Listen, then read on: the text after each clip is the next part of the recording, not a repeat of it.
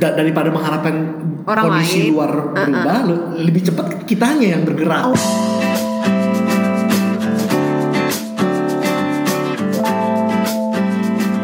Halo Bobars, welcome to Taiwan Boba. Halo Bobers, welcome to Taiwan Boba.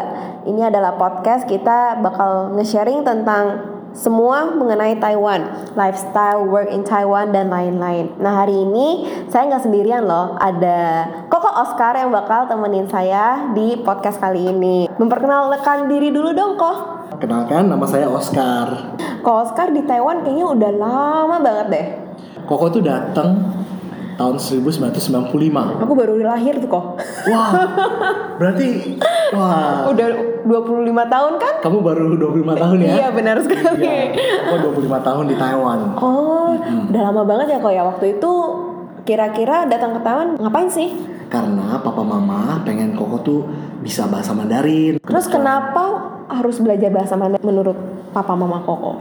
Karena mereka merasa anak-anaknya itu bisa bahasa Indonesia, bisa bahasa Inggris, tapi nggak bisa bahasa Mandarin. Oh. Jadi mereka merasa sayang banget. Oh, jadi waktu itu papa mama Koko emang udah merasa bahasa Mandarin itu penting.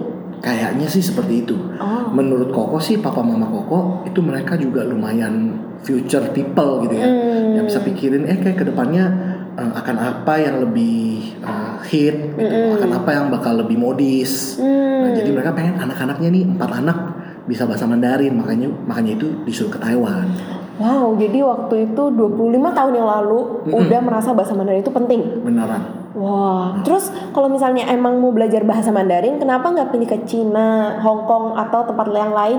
Why Taiwan? Nah, karena waktu itu kan Taiwan lumayan terkenal ya. Oh ya? Ekonomi Taiwan itu termasuk kita bilang empat tiger Asia kan. Oh, Ah, jadi Taiwan salah satu ekonomi di Asia yang lumayan bagus. Si Xiaolong ya. Se Xiaolong ya, empat Dragon Asia, bukan Wah, Tiger Asia. mm. Nah, udah gitu di Taiwan itu kan eh, lebih dekat daripada ke China, lebih Mm, nggak dingin. Nah, terus itu juga ada saudara di sini. Oh itu the pointnya ya cuy iya, nah, cong tuh. nggak karena bahasa Mandarin Taiwan itu lebih halus atau karena dia tradisional ya? Gak kepikir ke sana cuman karena oh iya satu hal lagi karena tulisan Mandarinnya di Taiwan itu kan lebih complicated. Hmm. bukan lebih yang sim simplified, simplified. Gitu.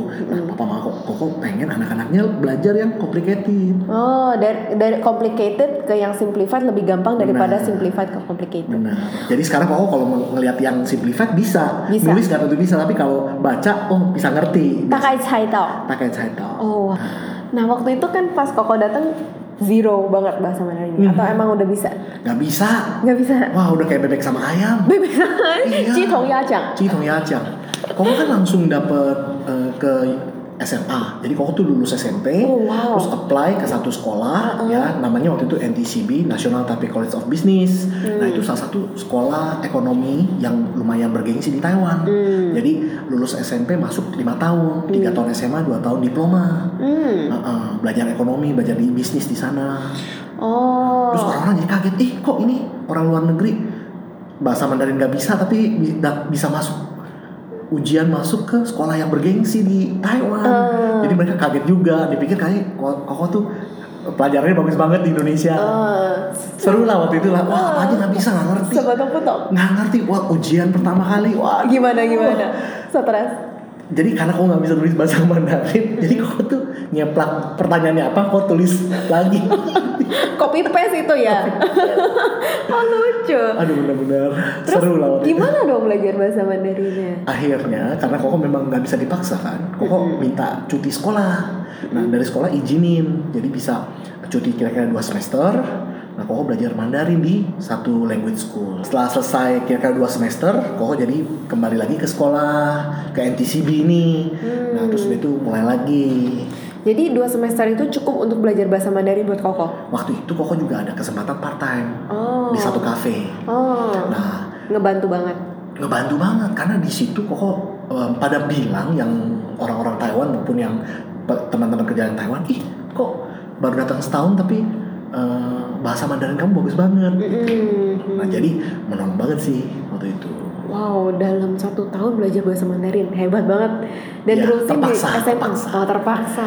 langsung terusin SMA Ah. balik lagi nah udah lebih mendingan tapi masih adaptasi sih. Hmm, pasti susah lah, pasti banyak suka dan duka ya nangis di mana-mana. lumayan lah karena kita baru umur 15 datang ke Taiwan. Uh, Sudah gitu kan uh, orang tua di, di Indonesia, kita sendirian di Taiwan. Uh, kok punya abang di sini kan, abang kandung, tapi dia tinggal di kota lain. Hmm. Uh, dia di situ juga prepare school buat masuk university. Mm-mm. Ya kita sendirian, nggak ngapain sendirian. Mm-mm. Ya Kaget lah. uh, ya anak kecil yang dibiarkan sendirian, tapi udah segera harus mandiri dan dewasa lah. Oh, Iya, iya. mantap. Jadi dewasa dalam sekejap Iya, bener-bener itu. Bim salah bim. 并不在那边，很独立啦。那个时候呀，呃waktu itu SMA kan sangke kan. Mm-mm, bisnis. Oh, jadi itu adalah alasan kenapa kita ngundang ke Oscar hari ini karena ke Oscar sebenarnya itu seorang bos di Taiwan. Nah, nanti bos apa, buka apa, nanti kita baru ngomongin nanti aja deh. Kita sekarang ngomongin tentang Koko ceritain gimana jadi bos. Bos apa sih? Coba dijawab. Iya, eh, Koko sangat bersyukur banget punya kesempatan 8 tahun lalu tahun 2012 ini. Jadi ada satu saudara jauh ya. Eh, dia tuh punya toko Indonesia ya, dan dia sudah eh, buka selama 4 tahun. Nah, kemudian karena dia lumayan eh, banyak urusan, ngurus anak dua, terus dia itu dia merasa nggak ada yang bantuin, jadi dia pengen eh, sudah pengen tutup tokonya hmm. terus dia tanya koko mau nggak take over nah, hmm. nah terus koko kan sebenarnya orang yang kerja oh waktu koko itu udah kerja iya hmm. tahun 2011 2012 itu koko tuh masih kerja kerja di agensi hmm, hmm. nah, Chongje Gongsi ya terus uh, dan nggak belum pernah mencoba yang namanya berbisnis hmm. nah cuman setelah eh, koko diskusi sama keluarga juga berdoa lah ya eh, terus akhirnya ambil keputusan ya udah take over, coba gitu loh. Nah, akhirnya eh, coba ya lumayan bersyukur gitu karena eh, ada kesempatan untuk menjalankan toko ini. Eh, jadi kita namanya eh, Mentari Cafe and Indomart. Wah, jadi toko Indo di Taiwan. Ya, di Yonghe di New Taipei City. Oh, wow. Jadi di sini itu kayak sekarang kita tuh jujur aja lagi di toko Koko. Iya. Di bawahnya itu tuh nyaman banget. Jadi Koko tuh bikinin kayak cafe gitu. Iya. Jadi jadi buat orang Taiwan juga bisa datang ke sini untuk makan-makan. Nah, kalau gitu kita bisa ngomongin tentang pernah kepikir buat jadi bos gak? Dan jadi bos tuh enak gak sih kira-kira? Nah itu dia karena punya kesempatan ini jadi mau nggak mau kita kan harus mencoba. Hmm. Nah bersyukurnya Koko tuh banyak keluarga dan teman-teman yang dukung. Hmm. Jadi eh, mereka kasih motivasi ya udah kalau memang sudah buka ya harus jalani. Hmm. Nah pertama-tama buka dan jalanin pasti nggak mudah. Mm-mm, suka duka ya Begini nih, pertama itu mental. mental. Kita pasti takut. Hmm. Kita pasti takut gagal. Hmm. Kita wa- wanti-wanti was-was ini bakal berhasil atau enggak. Saya sudah investasi nih berapa ratus ribu NT. Hmm. Terus udah gitu ntar kalau misalnya nggak laku gimana? Terus nggak ada customer gimana? Nggak ada pelanggan gimana? Terus kalau orang-orang nggak suka sama eh, kita punya kafe, kita punya makanan gimana? Nah itu eh, sebenarnya tantangan. Hmm. Nah, bersyukur eh, ya bersyukur sih memang karena begitu buka waktu itu kan masih sederhana banget kita toko juga masih dalam keadaan lama belum belum dire, belum direnovasi. Hmm. Nah tapi kita ada karaoke terus kita ada Wah. makanan yang sederhana paling ayam goreng, eh, tempe goreng tempe penyet gitu rendang yang sederhana gitu dan eh, ada karaoke Nah, jadi memang banyak teman-teman Indonesia ya para PMI pekerja migran Indonesia tuh datang. Gitu. Jadi kok ingat banget tahun 2012 itu bulan Januari pas Januari? lagi benar pas lagi pas lagi liburan Imlek.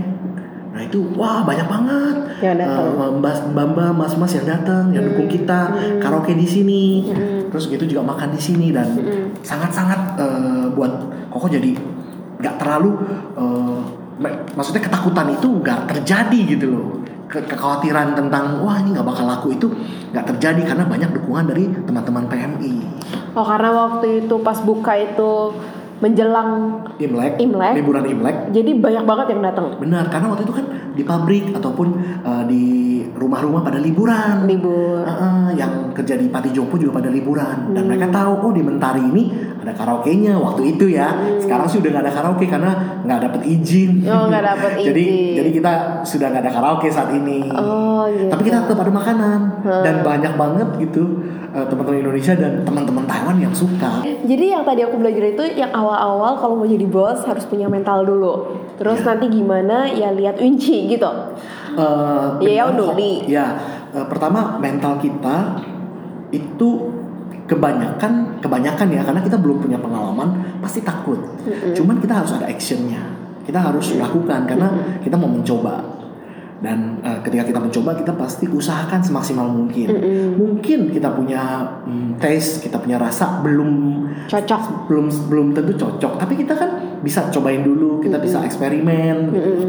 dan eh, ya kalaupun tesnya nggak begitu cocok yang penting rasanya nggak sampai eh, buruk rasanya nggak sampai Nggak enak. enak ataupun bahannya nggak segar se- sehingga buat sakit gitu loh ya nah yang paling kemudian adalah pelayanan kita Mm-mm. karena gimana kita melayani setiap customer kita kan kita sering dengar peribahasa ini pelanggan adalah raja Hmm. Gitu. jadi kita usahakan melayani dengan tulus jadi eh, koko ini waktu itu lumayan 70-80% mengenal setiap pelanggan yang datang ke dokumentari hmm. hampir waktu itu Koko tuh bisa kenali nama mereka oh cincie ya ya usahakan friendly nama, banget friendly. Uh. karena waktu itu Koko yang jaga, memang Koko jaga dari pagi uh. sampai malam. malam kita buka jam 9 pagi sampai jam 10 malam. -hmm. Sekarang kan kita cuma sampai setengah 10 malam. -hmm. Dan sekarang koko lebih nggak banyak di depan, banyak kan -hmm. di dapur gitu. Jadi eh, sekarang terus terang aja gitu nggak begitu mengenal nama-nama pelanggan yang datang. Ya, tapi awal-awal emang harus friendly lah ya servisnya. Sebenarnya bukan hanya awal-awal, awal-awal. Sampai Seharusnya sekarang, sekarang. Karena koko memang eh, koko sendiri eh, suka eh, ngobrol, suka berinteraksi. Kalau ada kesempatan ngobrol-ngobrol sama pelanggan, baik mas, baik mas-mas, baik mbak-mbak, ataupun ataupun anak-anak sekolah. Kalau ada waktu, Hmm. gitu. Tapi karena koko kadang eh, punya kesibukan yang lain, jadi nggak selalu ada di toko, jadi maaf banget. Hmm. Cuman yang namanya friendly dan ramah tamah itu memang sudah seharusnya. Oke. Heeh. Nah, kalau boleh tahu di mana sih poin Koko yakin banget mau buka toko? Eh, sebenarnya gini, yakin gak yakin itu ada orang yakin, ada orang nggak yakin. Nah, kok di antara yakin dan gak yakin? Oh, jadi kayak Artinya emang kayak tentu. Motion. Soalnya waktu Risk. itu kan Koko ada kerjaan sendiri gitu loh. Aku bingung. Ada kerjaan yang stabil, enak. Ya. Kenapa sih mau risk ambil risk ini untuk membuka toko yang nggak tahu masa depannya kayak gimana? Nah, kebetulan Koko kan masih kerja di agensi. Koko nggak lepasin.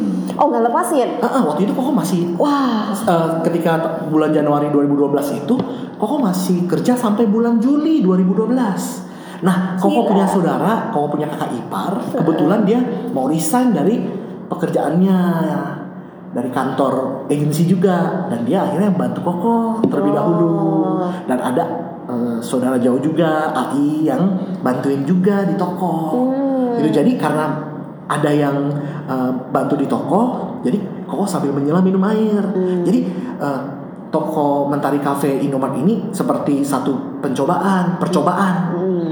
Jadi percobaan berhasil nggak? Mm-mm. Jadi Koko nggak lepasin dulu pekerjaan Koko yang sudah stabil itu. Oh, jadi nggak berani langsung lepas juga ya? Mm-mm. Ya karena juga selain nggak berani langsung lepas, karena juga memang belum ada yang ganti Koko di kantor. Oh. Kan kita nggak boleh dong main seenak jidat. Eh saya mau resign langsung resign. Paling nggak sebulan atau sebulan lebih atau dua bulan sebelumnya kasih tahu bos dulu mau resign. Jadi Koko usahakan eh, sebagai waktu itu Koko juga masih karyawan juga harus ikuti peraturan. Nggak boleh kita eh, langsung main resign. Nggak boleh kita langsung main saya nggak mau kerja gitu loh. Jadi juga eh, juga kasih pengen kasih satu image yang baik sama kantor yang Koko saat itu masih bekerja. Hmm, jadi emang waktu itu buka toko itu juga ambil risk dan pas banget ada dukungan besar dari keluarga. Bener. Jadi ya eh, bener-bener kalau sekarang 8 tahun lihat ke belakang nggak menyesal. Nggak menyesal. Puhai ya. Walaupun ada duka mm -hmm. walaupun ada tantangan dan kesulitan tapi nggak menyesal. Karena eh, benar-benar belajar sesuatu yang baru dan beranjak dari zona nyaman. Zona yang kita sudah terbiasa. Hmm. dengan resiko gagal, resiko nggak nggak laku, tapi kita jalanin, kita usahakan dengan uh, rasa yang enak, dengan pelayanan yang uh, lebih ramah. Hmm. Uh, dan akhirnya berjalan sampai sekarang 2020 ini juga sudah 8 tahun lebih. Wow, dalam 8 tahun ini kan tadi Koko juga bilang ya ada suka dan duka. Boleh Ya. nggak cerita sedikit? Kita bisa kenal banyak orang memang. Mm-mm. Dan kita bisa dengar cerita banyak teman-teman yang datang ke uh, kafe, Mm-mm. yang datang ke toko, Mm-mm. gitu. Baik mas-mas, baik mbak-mbak, kita bisa kenalan dengan mereka. Mm-mm. Mungkin nggak sam- uh, karena selama ini kita kan memang masing-masing jauh dari keluarga, Mm-mm. ya kan? Baik koko pribadi, memang sih ada uh, ada saudara di sini, ada abang, ada kakak, ya, koko cece, gitu. Tapi kan kita masing-masing udah kerja sendiri, hidup sendiri gitu loh. Nah, dengan adanya teman-teman yang baru datang ke kafe, datang ke toko, kita bisa uh, membangun satu hubungan dengan mereka. Itu sukanya, salah satu sukanya. Karena koko pribadi memang suka ngobrol, bisa kasih nasihat satu dengan yang lain. gitu loh. Terus uh, sukanya ya karena kita uh, namanya bekerja, berusaha uh, sendiri dan kita di sini sebagai pemilik, sebagai leader. Nah, jadi waktu kita bisa atur, bisa atur uh, karena kita ada grup, ada tim yang bisa uh, menolong kita. Ya, ada ada tim, ada teamwork, ya ada ada teamwork yang bisa menopang kita. Jadi kita nggak kerja sendirian. Jadi kita bisa saling cek and recheck eh waktu kamu kapan, waktu saya kapan, waktu dia kapan. Sehingga kalau memang ada kesibukan pribadi, kita bisa saling menopang. Jadi waktunya lebih fleksibel lah ya. Terus terang di 3 4 tahun pertama lebih nggak fleksibel. Tapi nah, itu sekarang dukanya tuh ya, itu oh ya dukanya. dukanya. Heeh, tapi Awal-awal orang tuh awal-awal. mitosnya kan kayak oh jadi bos kan bisa fleksibel waktunya. Gue pengen ngapain di jam berapa kapan pun boleh. Ya. Tapi Tapi di Sebenarnya tidak. ketika sedang membangun itu tidak. oh wow. Karena memang kan kita belum tahu penghasilan pendapatan toko berapa. Apakah cukup untuk menambah satu teammate atau tim teammate kita perlu nggak ditambahin karyawan perlu nggak ditambahin. One thing. ka- pertama-tama kan masih belum tahu. Jadi kita sendiri harus turun kerja. Hmm. Sehari 12 jam. Wah. Iya kan? Sab- Senin sampai Minggu. Hmm. Misalnya eh, Sabtu atau Minggu ada kegiatan yang lain, kegiatan sosial, kegiatan agama dan lain sebagainya, kita harus ganti-gantian Mm-mm. Ya jadi eh, jaga dulu tiga jam nanti keluar 4-5 jam. Da- dari luar kembali lagi jaga lagi. Seperti itu. Kok sejak eh, buka toko itu satu minggu itu terus terang nggak ada libur. Hmm, malah gak ada libur Sabtu Minggu. iya. Kalau kita kerja ya di kantor misalnya ya jam 9 pagi sampai jam 6 sore jam 6.30 sore. Kadang-kadang kalau misalnya lembur ya jam 8 jam 9 Hmm. Nah, Sa- Sabtu Minggu biasanya libur ya kalau kerja di kantor. Nah, kalau kerja di pabrik mungkin minggunya doang libur gitu ya. Nah, tapi kalau jaga toko sendiri, kita buka toko, waktu itu gak ada libur. Wah, malah kedengarannya awal-awal itu lebih capek dari pada jadi karyawan. Benar, terus terang. Karena selain waktu, tenaga, Mental itu juga.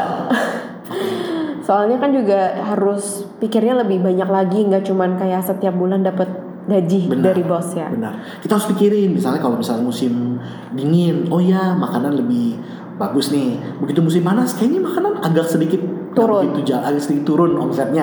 Tapi bukan berarti jelek gitu. Maksudnya kita harus gimana? Oh jadi minuman. Nah, atau apa yang harus kita lakukan? Promosi apa yang harus kita lakukan? Harus pikirin. Eh, terus kalau misalnya eh kayaknya eh, misalnya waktu itu di teammate kita, eh, teamwork kita ada satu yang mau pulang Indonesia tiga minggu. Nah gimana ini? Nah, saya harus bagaimana aturnya? Karena waktu itu bakal kekurangan, jadi harus panggil part timer dan sebagainya. Nah jadi suka duka itu biasa. Jadi kalau memang mitosnya bos itu enak, ya memang ada enaknya, ada enaknya. Tapi nggak enaknya juga harga yang dibayar juga ada. Hmm. Tabur tuai. Ya. Nah, kok aku eh, pengen tahu nih, kan kemarin kemarin itu kan kita udah pernah ngobrol. Mm-mm. Aku tertarik banget eh, pengen Koko sharing tentang cerita Koko belajar masak. Kalau nggak salah waktu itu Koko bilang Koko nggak bisa masak ya. Tapi Ah, sekarang benar. jualan jadi bos kafe. Ya. Gimana itu ceritanya? Nah, di awal kita eh ini buka kafe kan ada AI Ada masak AI, ya jadi se- urusan dapur kok nggak usah pusing Hmm. jadi kau hanya urusan toko barang toko pesen barang udah gitu penjualan Hmm. marketing ya antar antar antar keluar itu bagian koko sama kakak ipar koko Hmm. terus sama part timer part timer yang lain gitu ya pembukuan gitu ya koko yang ngurusin Nah, nah terus eh, karena Ai sudah berumur 70 tahun ya terus yang satu lagi sudah 55 tahun gitu ya. Oh. nah umur 70 tahun ini harus retired dia harus pensiun. Toy Ya, show. apalagi keluarga di Indonesia suruh dia ayolah pulang Indonesia saja gitu. Ngapain? Sudah berumur kok masih di luar negeri ngapain? gitu. Nah akhirnya eh, dia pulang. Sebenarnya dia udah kasih tau kok dua tiga bulan sebelumnya. Cuman karena keluarga di Indonesia tiba-tiba membutuhkan dia banget jadi tuh dengan tiba-tiba Mendadak. mendadak pulang gitu loh. Mendadak minggu depan saya harus pulang gitu. Wah saya kok kaget. Nah, terus segera deh koko belajar gimana masak gimana buat ayam goreng gimana buat rendang. Oh gimana eh, harus apa mie goreng masak mie goreng nasi goreng bihun goreng dan sebagainya gitu loh. Nah itu eh, akhirnya itu retired pulang Indonesia koko yang masuk dapur terus masuk dapur dengan hati yang gentar Tapi waktu itu pas masuk dapur itu tuh level masaknya tuh nol. Mungkin Hampir. dua lah Dua per sat per sepuluh per puluh. Oh, rendah juga sih kok. di, tapi di situ kok masih ada satu AI yang bantu Oh, masih yang umur ada. 55 tahun itu Uh-uh. kira-kira lah umurnya kalau lupa nah eh, jadi koko pagi-pagi eh, harus bangun lebih pagi terus koko harus siapkan hati dengan hati yang gentar berdoa supaya makanan hari ini Gak ada yang ke toilet terus. yang penting bersih jangan sampai habis makan pada sakit perut. Jadi jaga banget kebersihan. Memang memang kita eh, benar-benar karena kita juga makan makanan yang kita masak kita juga makan. Jadi kita benar-benar belajar berusahakan berikan yang lebih yang bersih berkualitas, Berkualitas. gitu buat customer kita dan buat kita sendiri Hmm. Nah, eh, ajaibnya waktu itu kira 10 hari dengan hati yang gentar, coba masak, inget-inget lihat resep dan sebagainya gitu ya. Setelah 10 hari kemudian, eh rasa gentar itu, rasa takut dan rasa khawatir itu hilang. Gimana caranya hilang? Karena bisa karena biasa. Oh. Karena kita nggak biasa maka kita nggak bisa.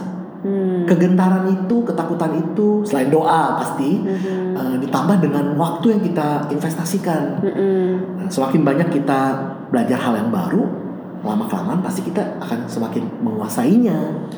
Nah itu dia gitu. Nah 10 hari kemudian eh, rasa takut itu hilang, Hmm. rasa gentar itu hilang. Jadi sudah mulai terbiasa. Hmm. Oh bangun lebih pagi terus siapin, siapin.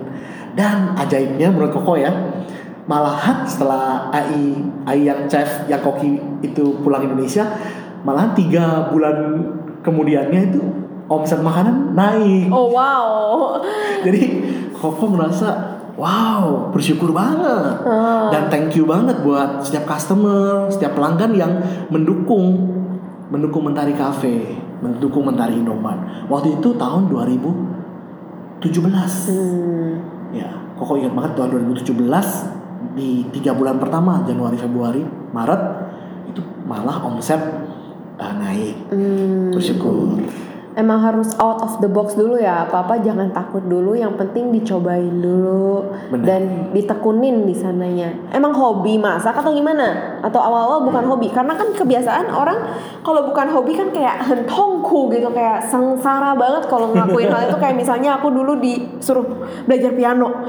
Duh, rasanya setiap kali mau belajar tuh pengen ah cuang ciang aja gitu loh. Tapi kok tuh banget. gimana? Ah, ogah banget gitu. Tapi kok tuh gimana? Emang hobi atau emang terpaksa dan ujung-ujungnya jadi kebiasaan? Dari kecil nggak pernah benar-benar masak. Mm-mm. Cuma Bisa- makan. makan masak super mie masak air gitu ya, paling misalnya ke pasar udah gitu misalnya mama lagi masak misalnya ayam goreng kita yang ngadukin Cuma jadi bantu gitu doang. Cuma bantu doang. Cuci piring, gitu aja. Nggak pernah benar-benar masak. Benar-benar bumbu-bumbu masukin minyak dulu, dia itu masukin bawang putih, terus masukin bawang goreng. Wah, ini resepnya, eh, guys. bawang merah, udah itu masukin eh, gula, garam dan sebagainya. Eh, Nggak pernah gitu Nggak loh. pernah. Gini loh, out of the box, keluar dari zona nyaman, keadaannya memaksa. Sekarang nggak ada yang masak. Sedangkan kita mau cari koki dalam waktu dekat gak susah seminggu dua minggu belum ketemu tapi kan kita sendiri harus terjun di dalamnya. Gitu dan memang nggak disangka akhirnya kok kok suka dan eh, enjoy. Enjoy. Udah bisa cepet gitu loh. Ya memang sih masih terus terang pasti masih banyak koki-koki lain eh, kafe lain yang makanannya lebih berkualitas dan lebih enak. Tapi menurut koko koko usahakan semaksimal mungkin. Hmm, susu sekarang susu koki. Semaksimal dan berikan yang terbaik. Gitu. Hmm. iya itu dia nah kalau gitu ada up and down yang lain lagi nggak yang bisa diceritain Nah, tadi kan Koko bilang 2017 itu eh, akhirnya kita eh, mengalami apa yang namanya eh, Koko tuh ngalamin satu penerobosan dari nggak bisa masak jadi bisa masak Iya. gitu.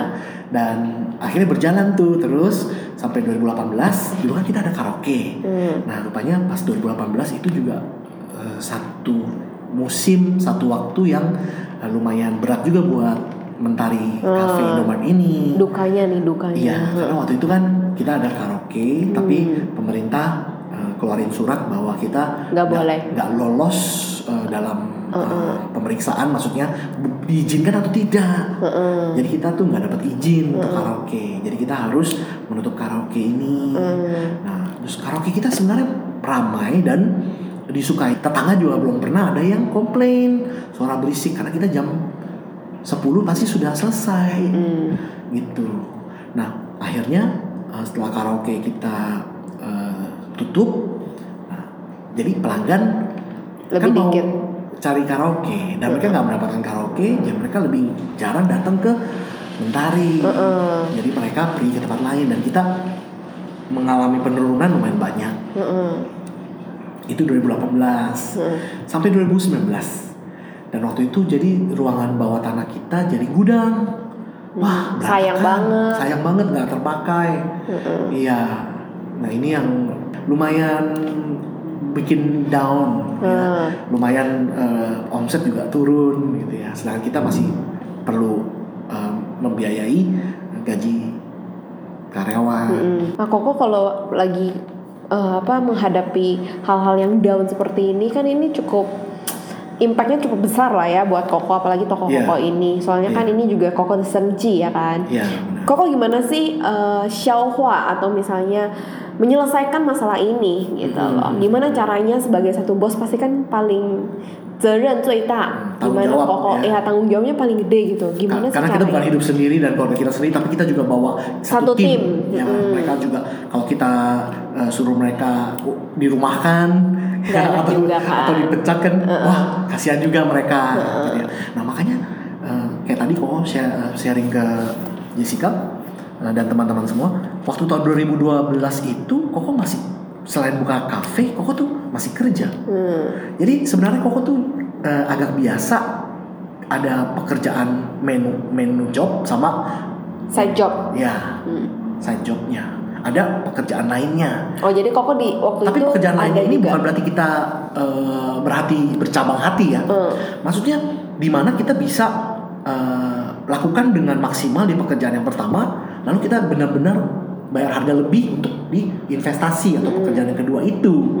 Jangan sampai kita bercabang hati, se- eh, kita di kafe tapi kita juga di tempat lain, tapi yang di kafe Jadi kualitasnya berantakan. jelek, berantakan, nggak terurus, Heeh. Dan masih mau cari kerjaan yang di luar, sehingga itu nggak adil terus terang buat eh, yang di kafe. Hmm. Nah itu dia. Nah ini sudah dilatih kan dari dulu belajar untuk oh selain punya pekerjaan eh, yang eh, pekerjaan utama di waktu yang kita kosong kita bisa investasikan untuk pekerjaan ataupun inve- investasi lainnya. Oh. Nah jadi waktu tahun 2018-2019 itu eh, Koko sebelumnya sudah memang ada bantu saudara dari Indonesia untuk mengelola uh, dia punya usaha yang ada di Taiwan. Oh, jadi ada investasi yang lainnya Ada juga. investasi yang lainnya juga. 哦，不要把饭，呃，不要把蛋放在同一个篮子里面的概念。 Iya benar. Risknya harus dipecah-pecahin di mana-mana. Uh, jadi waktu 2018-2019 uh, ketika ada beberapa bulan yang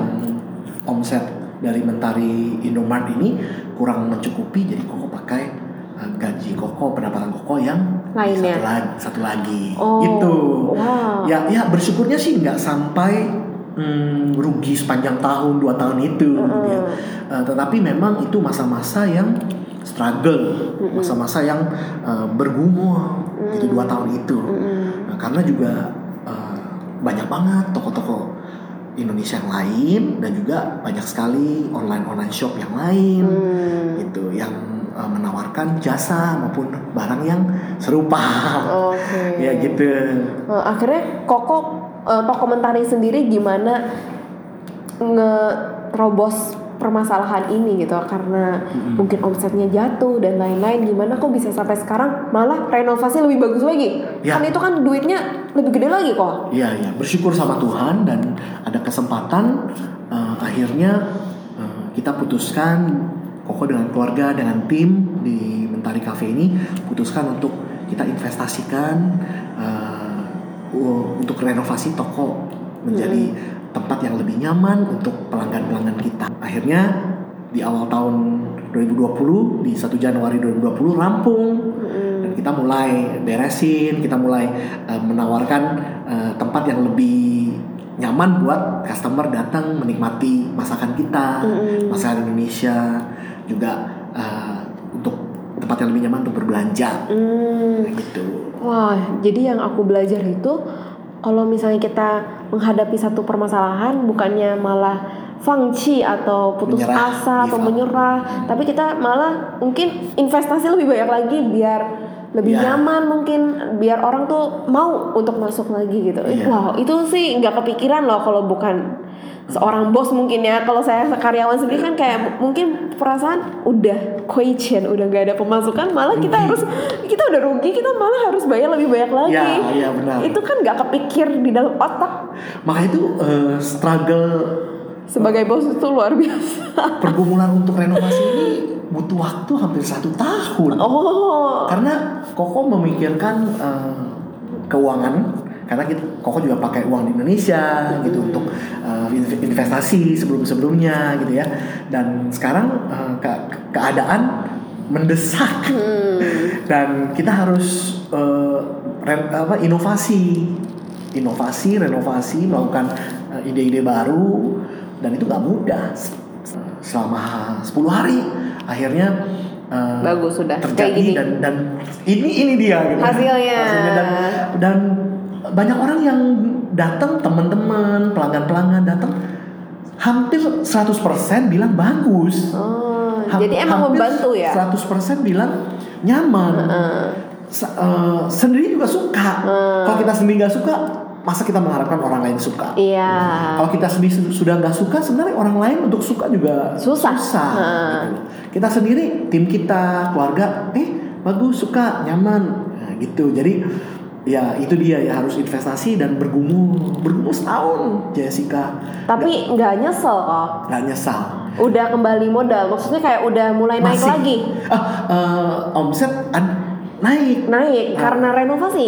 ya Wow. dan juga sekarang bukan hanya eh, customer teman-teman PMI teman-teman Indonesia yang Datang. datang tapi juga teman-teman Taiwan customer Taiwan Oh wow. bahkan customer bule Ya tadi aku pas masuk ada bule. iya kayak yang sering makan yang kau lihat berkali-kali sudah empat kira-kira orang Emang udah suka tuh makanan Indo kayak Iya. cocok. Itu orang orang-orang Taiwan mereka menikmati dan mereka eh, bilang hampir sembilan, maksudnya 90-an persen bilang cocok. Hmm. Kan kok eh, memang kita nggak kasih yang pedes. Kalau untuk teman-teman Indonesia, customer Indonesia kita kasih pedesan nggak kita kasih pedesan. Nah, kalau customer Taiwan kita memang sengaja nggak kasih pedes. Itu aja kadang ada yang bilang, eh ada sedikit pedes ya, ya apa boleh buat ya.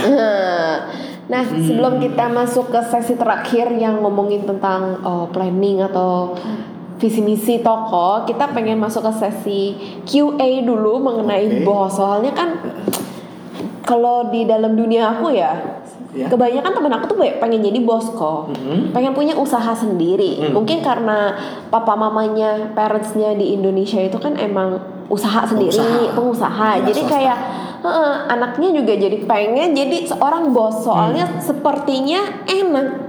Oke. Eh, Nah, kita pengen tahu lebih banyak nih eh, apa pro dan kontrasnya menjadi seorang bos. Ada be- beberapa pertanyaan yang pengen aku tanya. Oke. Yotian dan Chetian lah ya. Oke, silakan. Nah, yang pertama itu perubahan jadi dari karyawan ke bos itu tuh enakan yang mana? Dan apakah emang lebih enak jadi bos kah?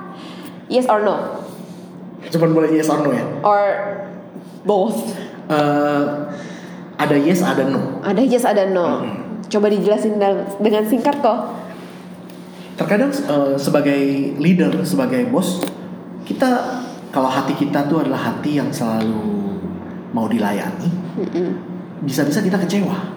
Karena tim kita nggak selalu mengerti apa yang di dalam hati kita, kita maunya dilayani. Kita maunya hanya, maksudnya saya maunya kamu ke kanan, tapi kamu kok ke kiri.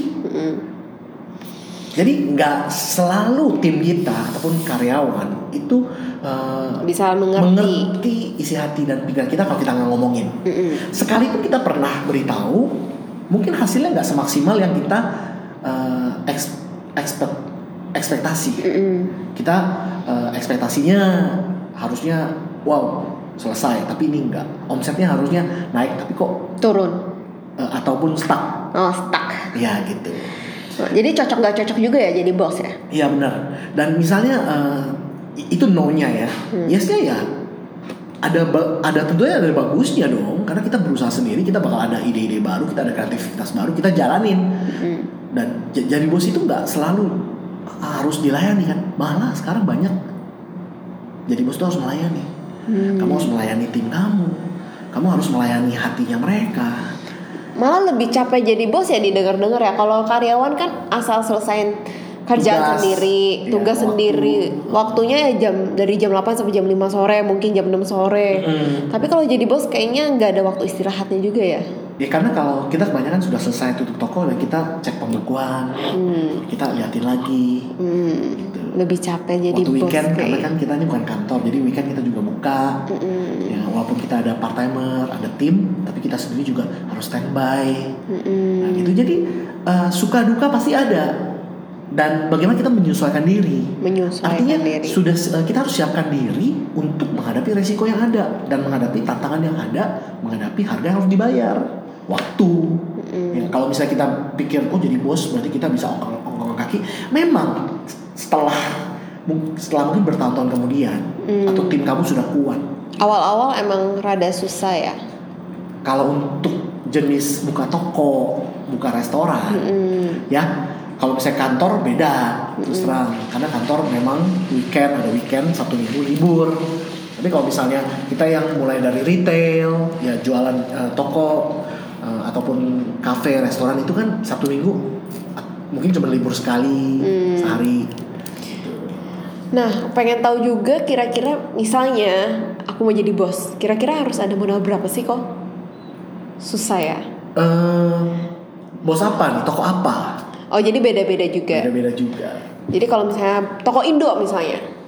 Toko Indo sederhana, kira-kira ya harusnya Cisau paling sedikit harus berapa? Misalkan siapa tahu aku pengen jadi bos kan, aku harus siapin berapa modal baru namanya cukup karena kan gak ada yang namanya cukup.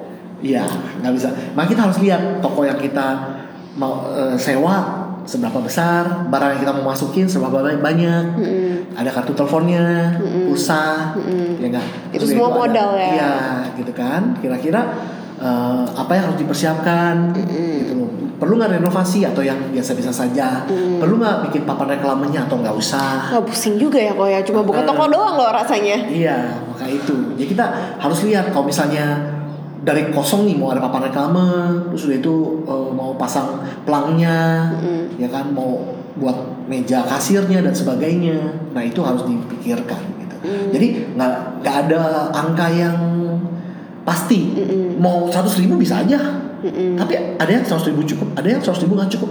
ada yang perlu satu juta ya tapi kebanyakan sih nggak sebesar itulah banyak kan yang koko dengar dari teman-teman mungkin antara 300 400 300 Ribu 400 NT. ribu Heeh. tapi ada yang lebih besar ada yang juga yang lebih kurang yang lebih kurang. jadi tergantung karena kalau misalnya tokonya mungkin hanya eh, 5 meter kali 5 meter lebih dikit gitu ya Hmm, kecil. tapi ada yang mau ada yang 10 meter kali 12 meter jarang sih yang sebesar itu Aku juga bingung tadi, oh gede banget ya. ya ada yang mungkin cuma 2 meter kali 3 meter Hmm, itu kecil banget sih. nah maka itu tergantung Hmm. kalau misalnya mau toko Indonesia Hmm. Nah kalau ngomongin toko Indonesia di Taiwan sekarang masih Tuijian nggak? Masih menyarankan teman-teman pendengar Bobars ini untuk buka atau enggak ya kira-kira? Karena aku pernah dengar juga be- beberapa teman yang pengen mimpinya itu buka toko Indo di Taiwan. I see cari area yang belum ada buka Makanya harus dicari belum ada buka dan uh, peminatnya misalnya marketnya orang-orang Indonesia di situ lumayan ada atau tidak hmm. makanya harus uh, kita sesangnya usah Oh, susah. Eh, uh, market apa ya? Kita harus, market research. Ya, market uh -uh. research. Harus research market. Uh -uh. Benar. Kalau misalnya yang udah ada, kamu buka di situ, saingan jadinya. Hmm. Dan jadinya saingan gak baik pasti. Hmm pasti pasti pukul-pukul harga kebanyakan sih begitu ya nah akhirnya akhirnya sama-sama nggak untung biasanya Hmm. nah, biasanya ya memang ya memang customer pasti diuntungkan tapi sama-sama yang kamu mau berusaha jadi selain kamu nggak nggak bisa fokus sama usahamu kamu harus fokus jadi kamu tambah musuh Oh iya. nah itu sayang sekali ya Hmm. menurut menurut Koko sedangkan hmm, pasti ti- selalu ada jalan kalau kita mau berusaha Hmm. Pertim- pertimbangan jadi seorang bos itu tuh apa sih? Menurut Koko yang paling penting yang harus dipertimbangkan sebagai seorang bos itu adalah teamwork. Teamwork. Nah, teamwork kita, kita punya eh, tim ini solid atau enggak? Hmm. Ya, karena eh, sangat penting. Ya, jadi berhasil atau tidaknya sebuah usaha itu memang menurut Koko bukan hanya 50%, melainkan 70-80% itu dari teamworknya. Produk-produk pasti, tapi 70 70% itu dari teamwork. Kalau misalnya teamwork kita nggak bisa solid, kita nggak bisa kerjasama. Jadi eh, tim kita nggak bisa dengerin nasihat kita, masukan kita. Kita nggak bisa dengerin keluhan mereka dan masukan mereka. Kita nggak bakal saling percaya satu dengan yang lain. Hmm. Jadi eh, ketika datang ke toko bawaannya hatinya bete, Eh, hatinya nggak nyaman, terus nggak rela gitu. Kita juga ketika mau memberikan nasihat ke tim kita bawaannya ah nanti mereka ogah lagi, dikasih tahu nggak mau denger. Lebih baik nggak usah dikasih tahu lah. Kalau dikasih tahu lu jalanin, kita seneng. Sudah dikasih tahu nggak dijalanin, kesel kan? mm-mm. Nah itu dia.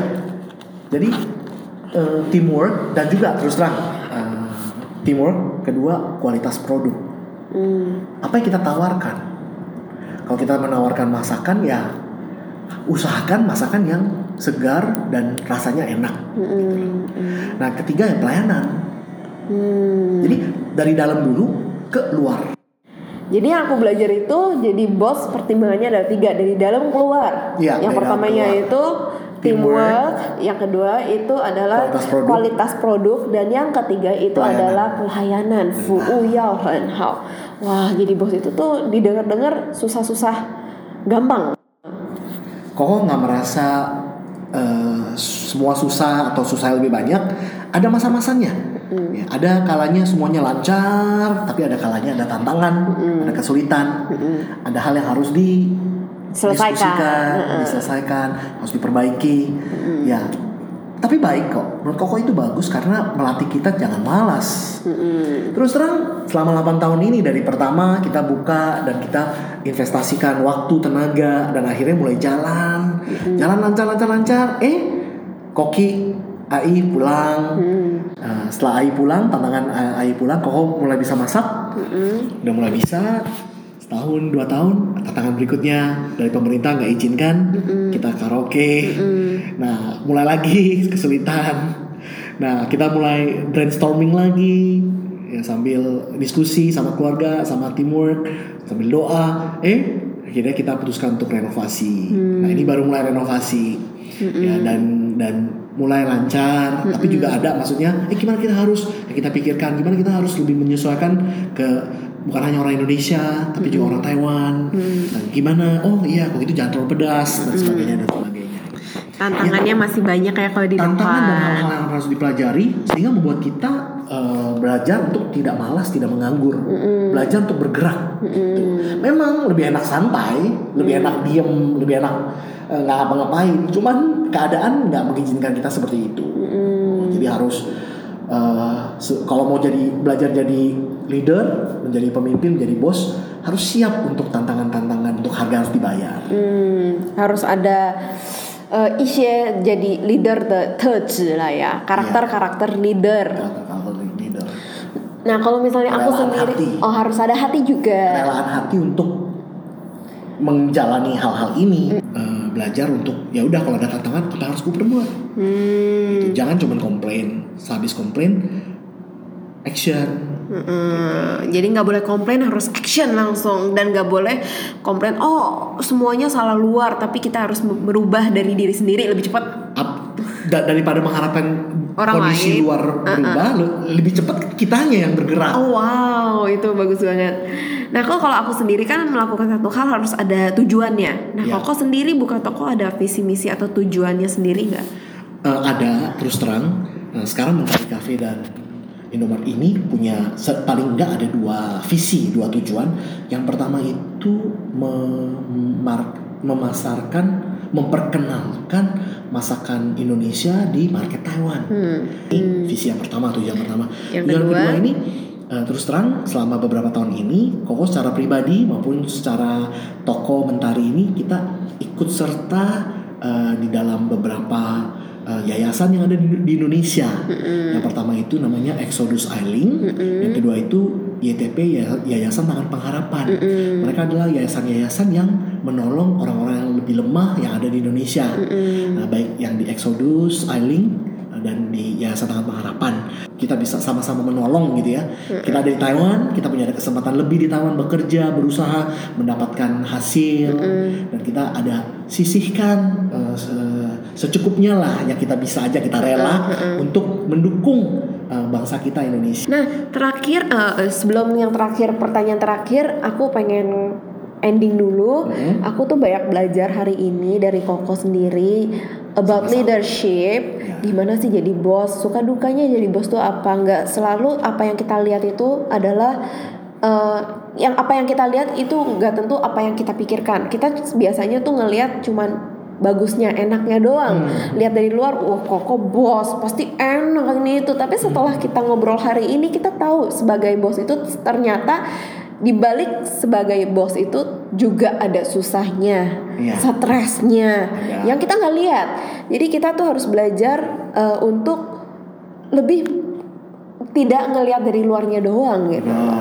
dan out of the box juga sih maksudnya mental dan harus kita harus uh, 抓住所有的机会 Iya. kesempatan yang ada kita harus ambil semua dan coba dulu yang Iya. penting kita udah coba kalau gagal ya udah yang penting kita udah Pernah mencoba. mencoba segenap hati gitu wah belajar banyak banget sih kok Sama-sama, Koko juga belajar banyak. Nah, nah terakhir nih ada advice gak buat para bobers hari ini? Jadi kita ada di Taiwan bekerja itu adalah satu kesempatan yang nggak mudah. Baik murid-murid yang datang sekolah, baik pekerja-pekerja yang bekerja ataupun yang berusaha.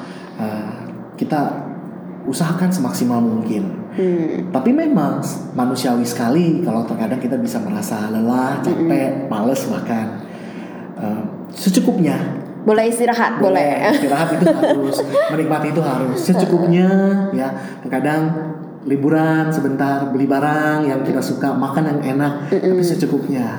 Kemudian kita jangan lupa kita harus terus menabur. Dan yang punya cita-cita, punya keinginan untuk buka usaha sendiri eh, juga itu satu hal yang bagus. Ba- Rencanakan. Ya doa rencanakan diskusikan sama teman-teman. Sudah pertimbangkan baik-baik Yakin, harus yakin. ya semua pertimbangan baik-baik untung ruginya resikonya jalankan after big dreams wake up action Wah, asik. Endingnya mantap banget. Thank you banget Koskar hari ini udah mau sharing ke kita suka duka jadi bos dan cerita Koko sendiri. Kita Sama-sama, sangat Jessica. so blessed dan thank you Koko. See you next time, Bobars. Bye bye. Bye bye.